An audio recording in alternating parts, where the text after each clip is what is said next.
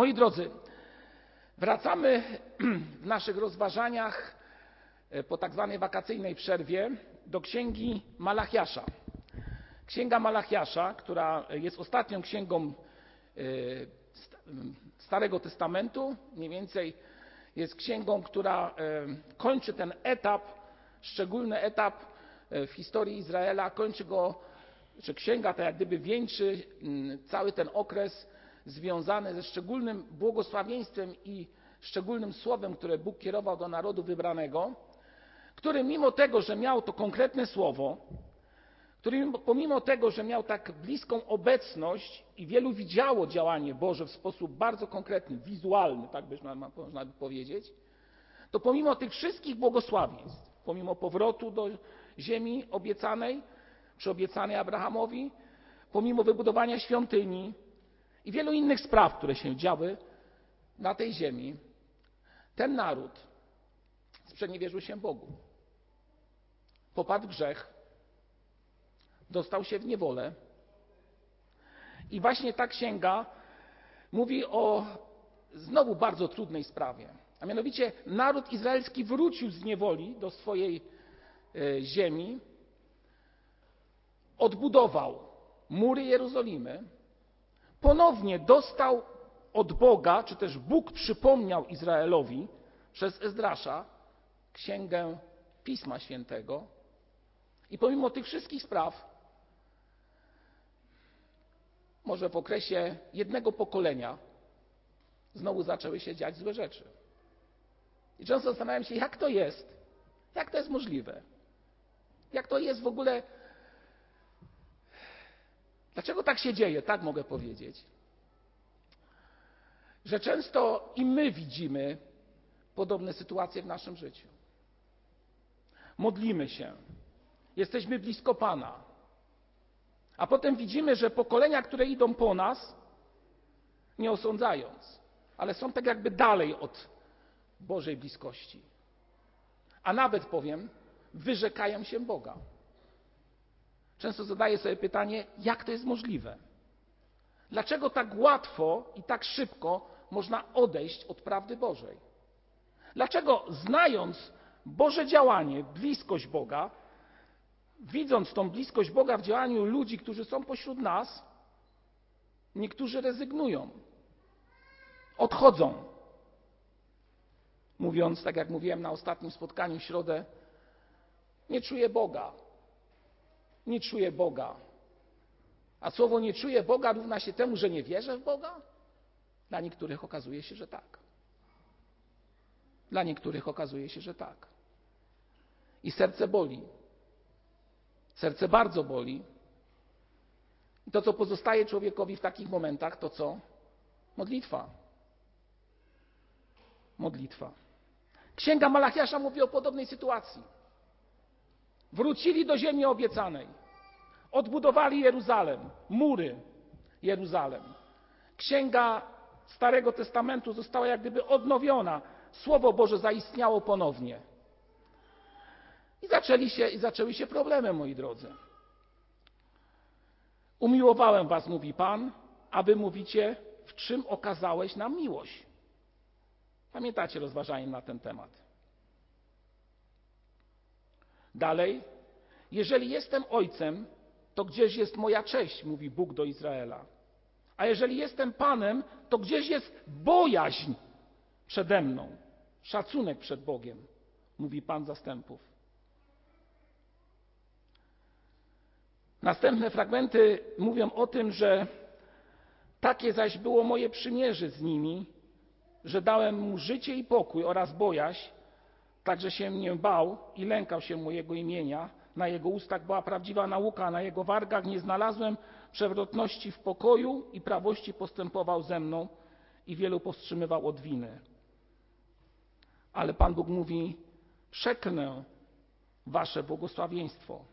Zaiste przeklnę je, gdyż nie bierzecie tego do serca. Słuchajcie, drodzy moi, trudne słowa. Czytamy księdze Malachiasza następne e, sprawy, o których też tutaj mówiliśmy.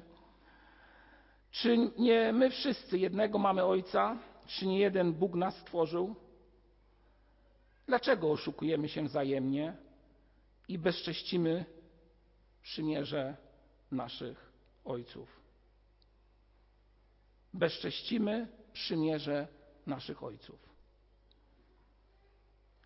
Następnie Paweł mówi o tym, że Juda jest wiarołomny jest obrzydliwo, i obrzydliwość dzieje się w Izraelu i w Jerozolimie. Tak Juda zbezcześcił świątynię, którą Pan miłuje. I zobaczcie, co to jest napisane.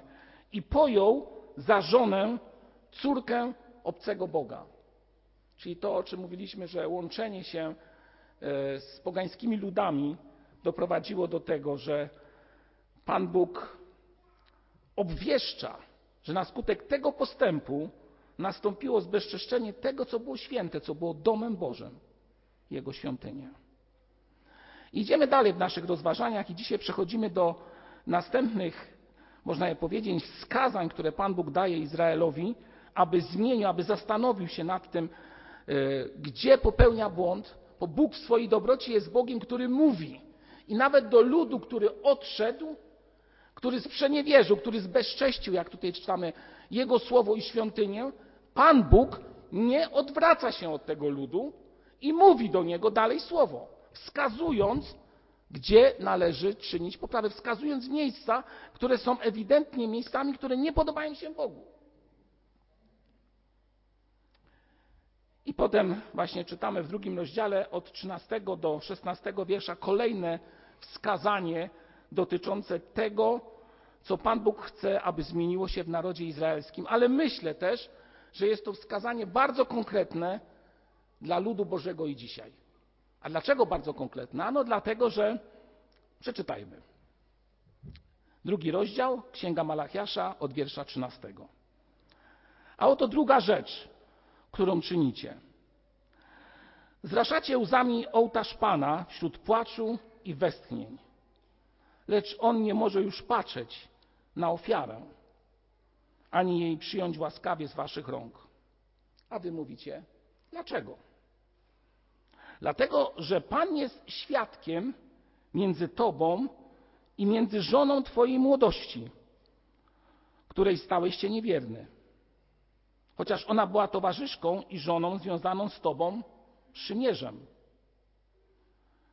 Czy nie jeden Bóg uczynił ją istotą z ciała i ducha, a czego pragnie ten jeden? Potomstwa Bożego. Pilnujcie się więc w waszym duchu. I niech nikt nie będzie niewierny żonie swojej młodości. Gdyż każdy, gdyż kto jej nienawidzi, oddala ją, mówi Pan, Bóg Izraela. Plami swoją szatę występkiem, mówi Pan zastępów. I ponownie podkreślenie tych słów, bardzo ważne Pilnujcie się więc w waszym duchu i nie bądźcie niewierni. Ależ konkretne słowa, moi drodzy. Ależ konkretne słowa, które można powiedzieć nie pasują do dzisiejszego czasu. Ależ ważne słowa. Skłońmy nasze głowy do modlitwy. Drogi Panie, ja Ci dziękuję za to, że Ty jesteś Bogiem żywym, prawdziwym i jedynym. I dziękuję Ci, że w Twoim słowie jest życie. I spraw proszę, abyś teraz to słowo do naszych serc bardzo mocno wprowadził, a w naszych sercach je ugruntował. Dziękuję Ci, że jesteś tak konkretny w swoim słowie i tak prawdziwy w swoim słowie. Dziękuję Ci, Panie, za to. Proszę Cię, błogosław to rozważanie. Dodaj też i mi siły zarówno duchowej, jak i fizycznej do tego, aby przekazać Twoją wolę zborowi. Amen. Tydzień temu brat prezbiter Konstanty Wiazowski przedstawił nam, jak pamiętacie, statystykę dotyczącą tego, co dzieje się w kwestii małżeństw, nieprawości i wielu, wielu innych spraw w tym świecie. Kto nie pamięta tych spraw, e, na stronie internetowej jest kazanie z poprzedniej niedzieli, można je odsłuchać. Ja tylko dopowiem. Tak jak zostało tutaj powiedziane, na świecie największa ilość rozwodów, odsetek największej ilości rozwodów, generalnie mówi się, że właśnie jest w Stanach Zjednoczonych i wynosi około 50%. Ludzie rozwożą się nagminnie. Ale to zostało już powiedziane, nie będę do tego wracał.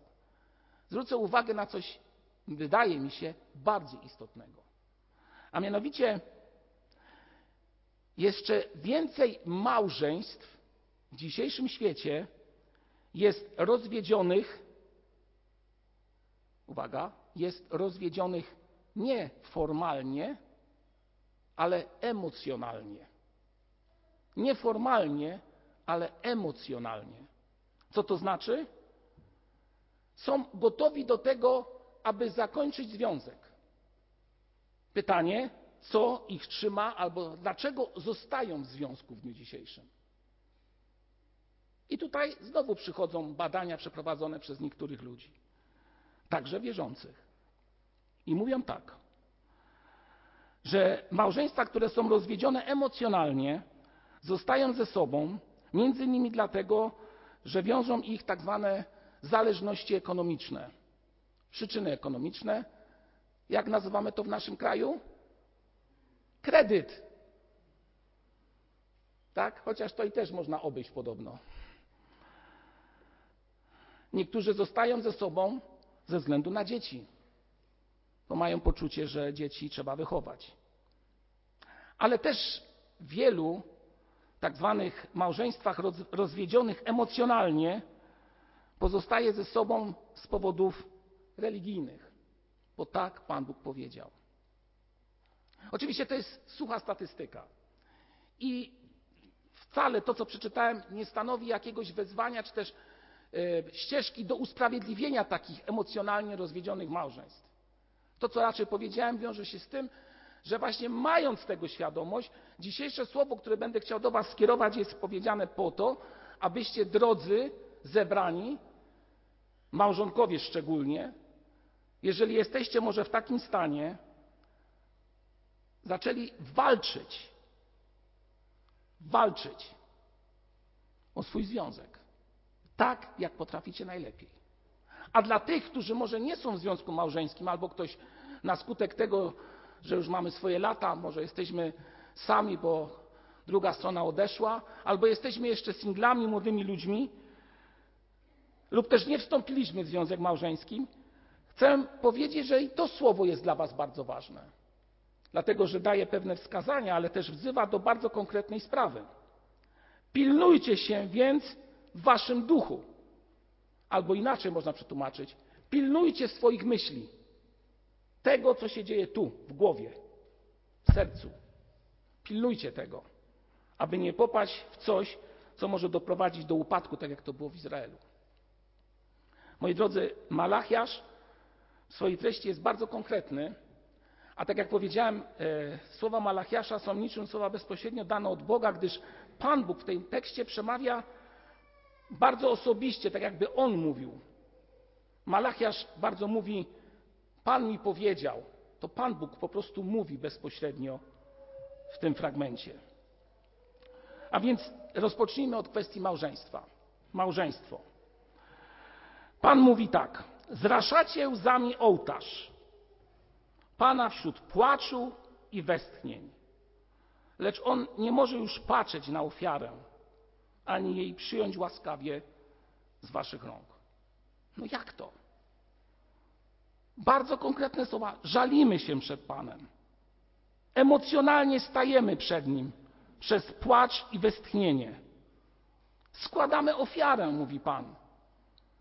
A Słowo Boże mówi, On już je nawet przyjąć łaskawie z rąk waszych nie może.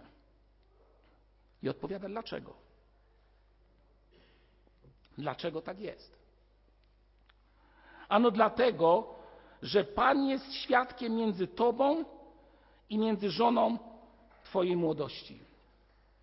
I tu rozpoczyna się wykład, w którym Malachiasz mówi o tym, że Izraelici odeszli od prawdy poznania Bożego, od prawdy bliskiego bycia z Bogiem, albo zostali odciągnięci od tej prawdy przez grzech związany z niewiernością w małżeństwie z lekceważeniem małżeństwa. Tutaj na naszej sali jest brat Andrzej Dąbrowski, którego pamiętam, przepraszam Andrzej, że tak z imienia, ale jesteś, to mogę mówić, bo będziesz słyszał, co mówię. W związku z tym chcę powiedzieć, że kiedyś spotkaliśmy się w Otwocku na ewangelizacji, tam kiedy jeszcze zakładaliśmy zbór. Pan Bóg zakładał, ale byliśmy razem, pamiętasz wtedy? I pamiętam naszą rozmowę bardzo taką ważną i długą, dotyczącą właśnie tej kwestii. Wtedy Andrzej powiedział: Błogosławieństwo Boże spływa na dom i zbór wtedy, kiedy relacja małżeńska jest bliska, a nie pozorowana. Wiecie o co chodzi? Oczywiście to jest parafraza tego, co mówiłeś, ale sens był mniej więcej tego. Coś w tym jest. Trzeba walczyć o swój związek. Jak wyglądała kwestia małżeńska w Izraelu? Kilka słów na ten temat.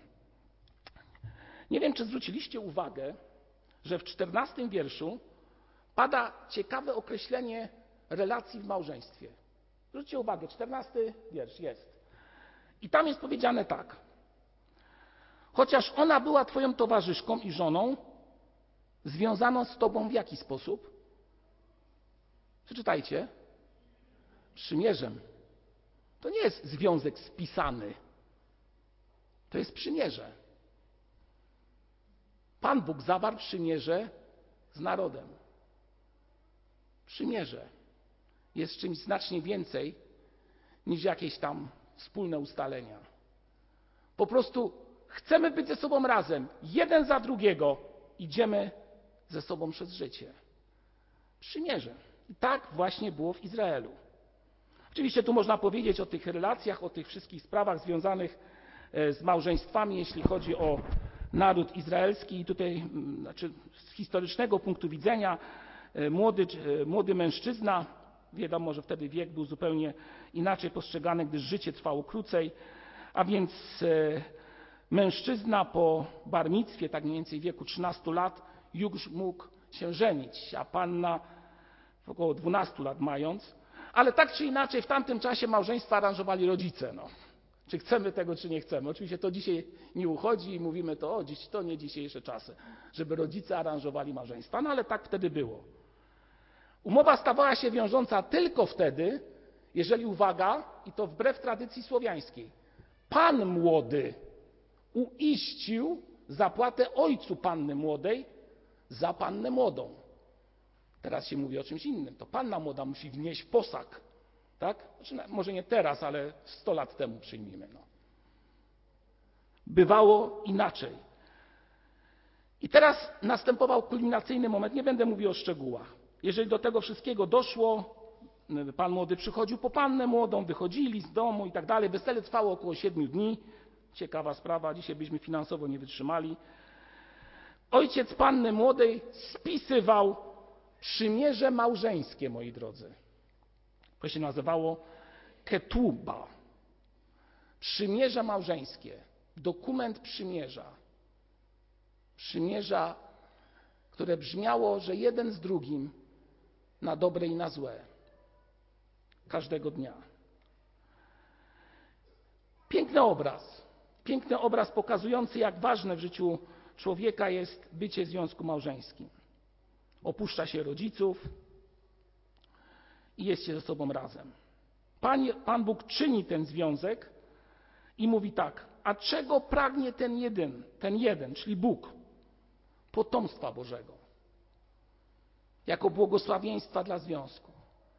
Dziś rozumiem, że czasami nie każde małżeństwo może mieć potomstwo. Mam tego pełną świadomość.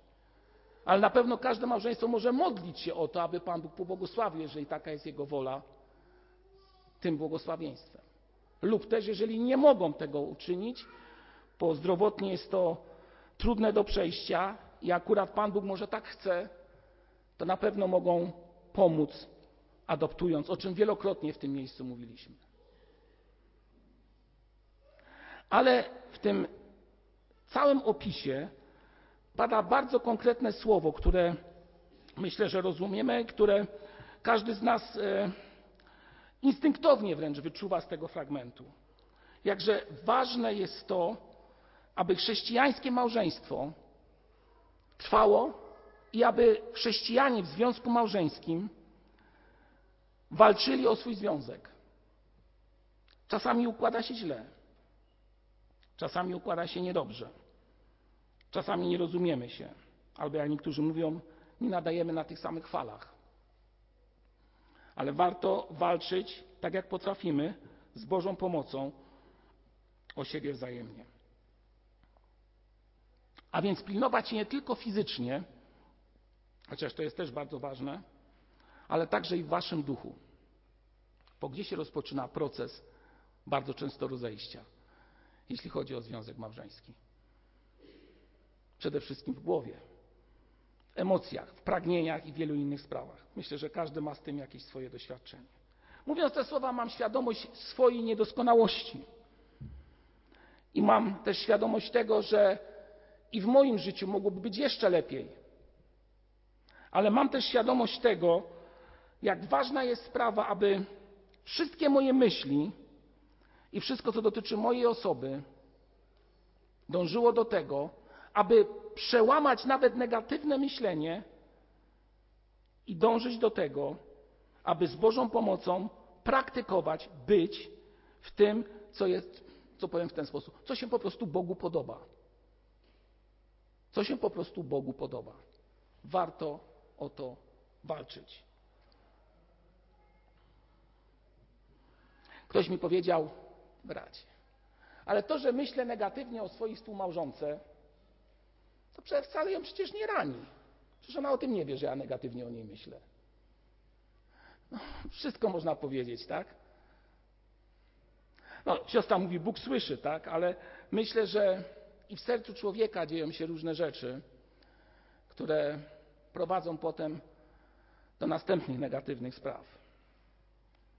A myślenie albo mm, zakorzenione myślenie negatywne powoduje, że coraz bardziej się w nie zagłębiamy.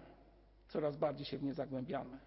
A przecież, tak jak tutaj właśnie siostra mówi, Pan Bóg zna myśli nasze. Czytamy o tym w psalmie 139. E, Przeczytam go jeszcze raz bardzo dokładnie. Pierwsze cztery wiersze, gdzie jest powiedziane w ten sposób.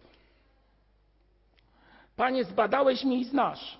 Ty wiesz, kiedy siedzę i kiedy wstaję, rozumiesz moją myśl z daleka, Ty wyznaczasz mi drogę i spoczynek, wiesz dobrze o wszystkich ścieżkach moich, jeszcze bowiem nie ma słowa na języku moim, a Ty, Panie, już znasz je całe.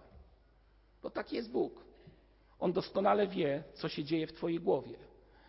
I tutaj muszę przejść właśnie do myśli, o której powiedziałem wcześniej, związanej nie tylko z małżeństwami. A więc, drogie osoby, które nie jesteście w związku małżeńskim, zadam wprost pytanie: co siedzi w Waszych głowach? Jakie emocje, jakie tęsknoty i uwaga, co teraz powiem, jakie przyzwolenia rodzą się w głowie człowieka. Przyzwolenia na różne sytuacje, w których się znajdujecie. Na co jesteście w stanie przyzwolić w swoich głowach, nie pilnując waszego ducha? To bardzo istotne pytanie. Nowy Testament mówi o cudzołóstwie myśli. Bardzo ostro. Kto spojrzy na kobietę, no ktoś powie, no bracie, no każdy spojrzy przecież, no spojrzysz na kobietę, jak to mi ktoś powiedział i co? No i właśnie Słowo Boże mówi, pilnuj się bracie. Ktoś powie, ale naiwny, nie? Życia nie znasz człowieku. Życia nie znasz człowieku. Myślę, że negatywnym sposobem myślenia jest często pojawiająca się tak zwana gorycz w małżeństwie. Myślę, że niektórzy wiedzą o co chodzi. Po tak zwanym niespełnionym małżeństwie. Tak się dobrze zapowiadało. Marzenia, dom, kariera i tak dalej, i tak dalej. Przysięga małżeńska. Nie było lepszego męża albo żony. A potem przyszła codzienność, i gorycz w serduchu, tak? I co wtedy? I co wtedy? I właśnie wtedy przychodzi Pan Bóg i mówi o kwestiach bardzo istotnych. A mianowicie nie rezygnuj. Walcz o swój związek małżeński. Walcz o swój związek małżeński. Albo druga sprawa. Nieprzypadkowo Salomon w swoich tekstach bardzo czasami negatywnie wypowiada się o żonach, tak? Znacie te stwierdzenia o rynnie, o innych tym podobnych sprawach dziwnych, Aż czasami tego nie potrafię zrozumieć, że Salomon się na to zdobył. No.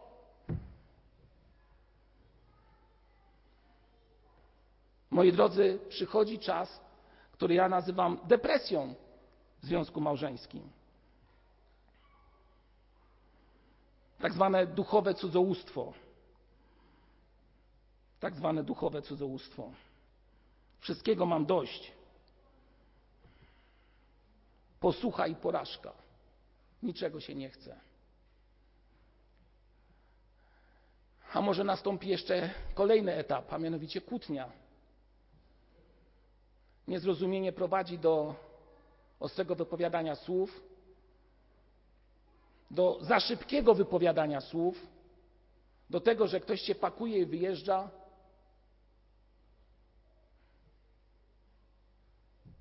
I co wtedy? I serce boli. Czy trzeba rezygnować?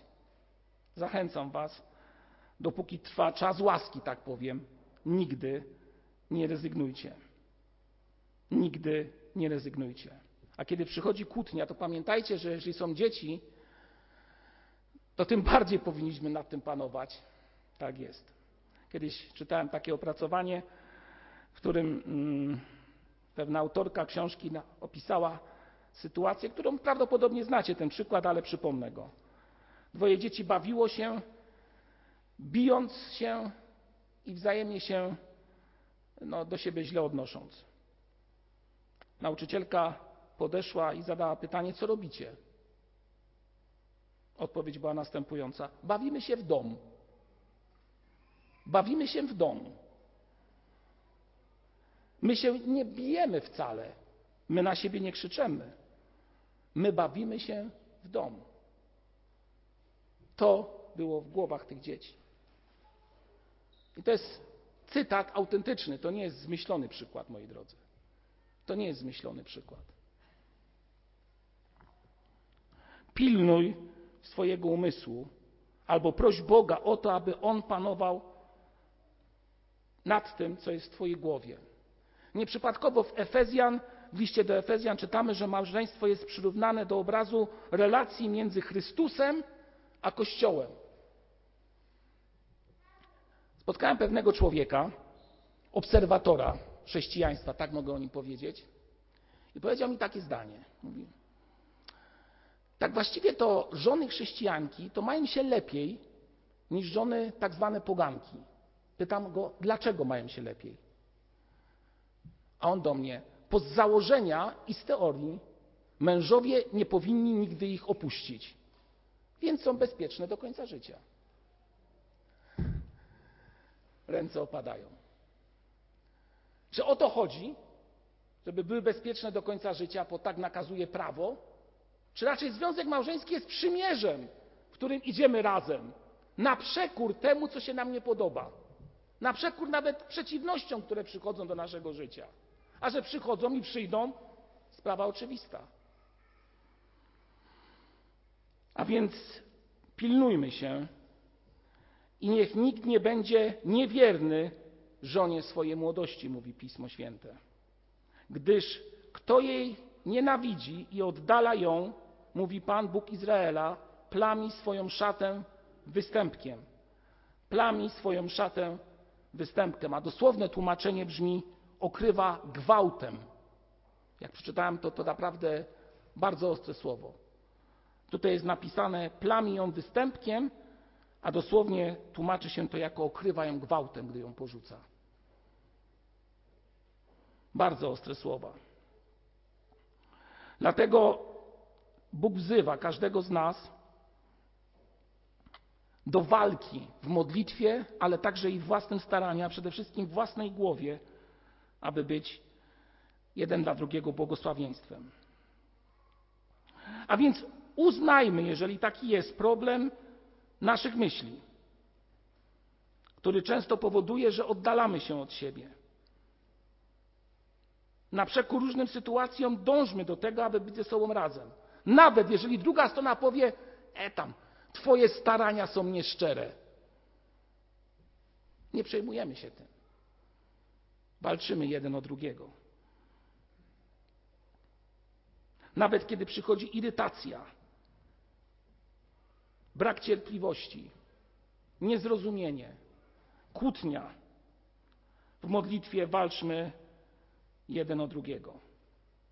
Walczmy o to, aby wyplenić grzech, który siedzi w głowach ludzkich w różnych sytuacjach. I bądźmy ze sobą przymierzu przed Panem. A wszystko rozpoczyna się od tych słów, o których mówiłem wcześniej.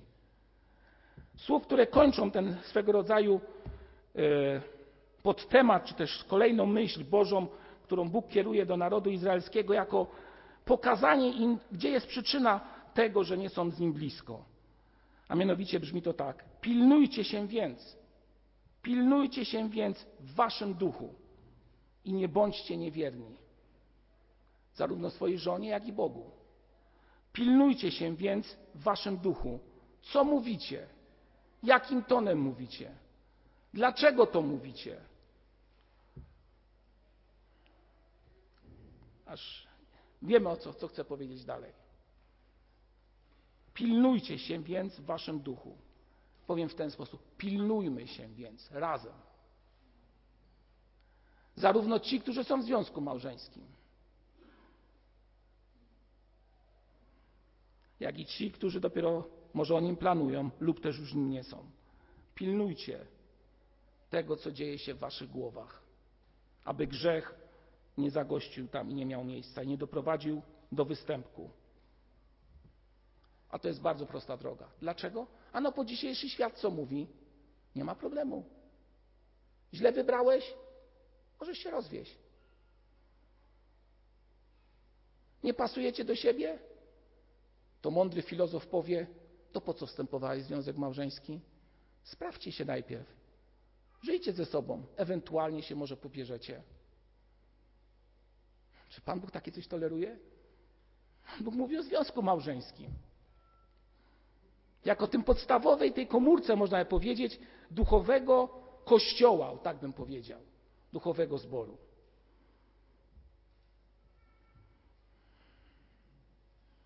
Oczywiście, małżeństwo, ktoś powiedział, jest ryzykiem, ale z Bogiem jest przymierzem. I wierzę, że w tym przymierzu możemy być zwycięzcy, niezależnie od tego, co się wokół nas dzieje, niezależnie od tego, czy nam się chce, czy nam się nie chce.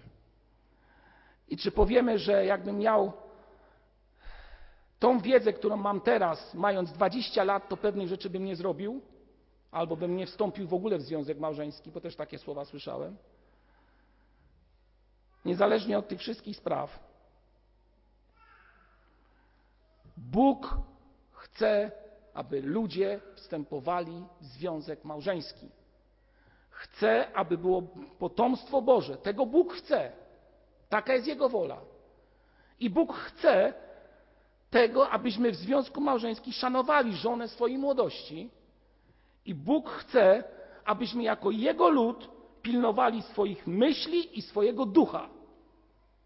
Bóg tego chce. Nie Marek Budziński, chociaż się pod tym podpisuje i nie jest to jego słowo, tylko słowo od Boga. Bóg tego chce. Amen.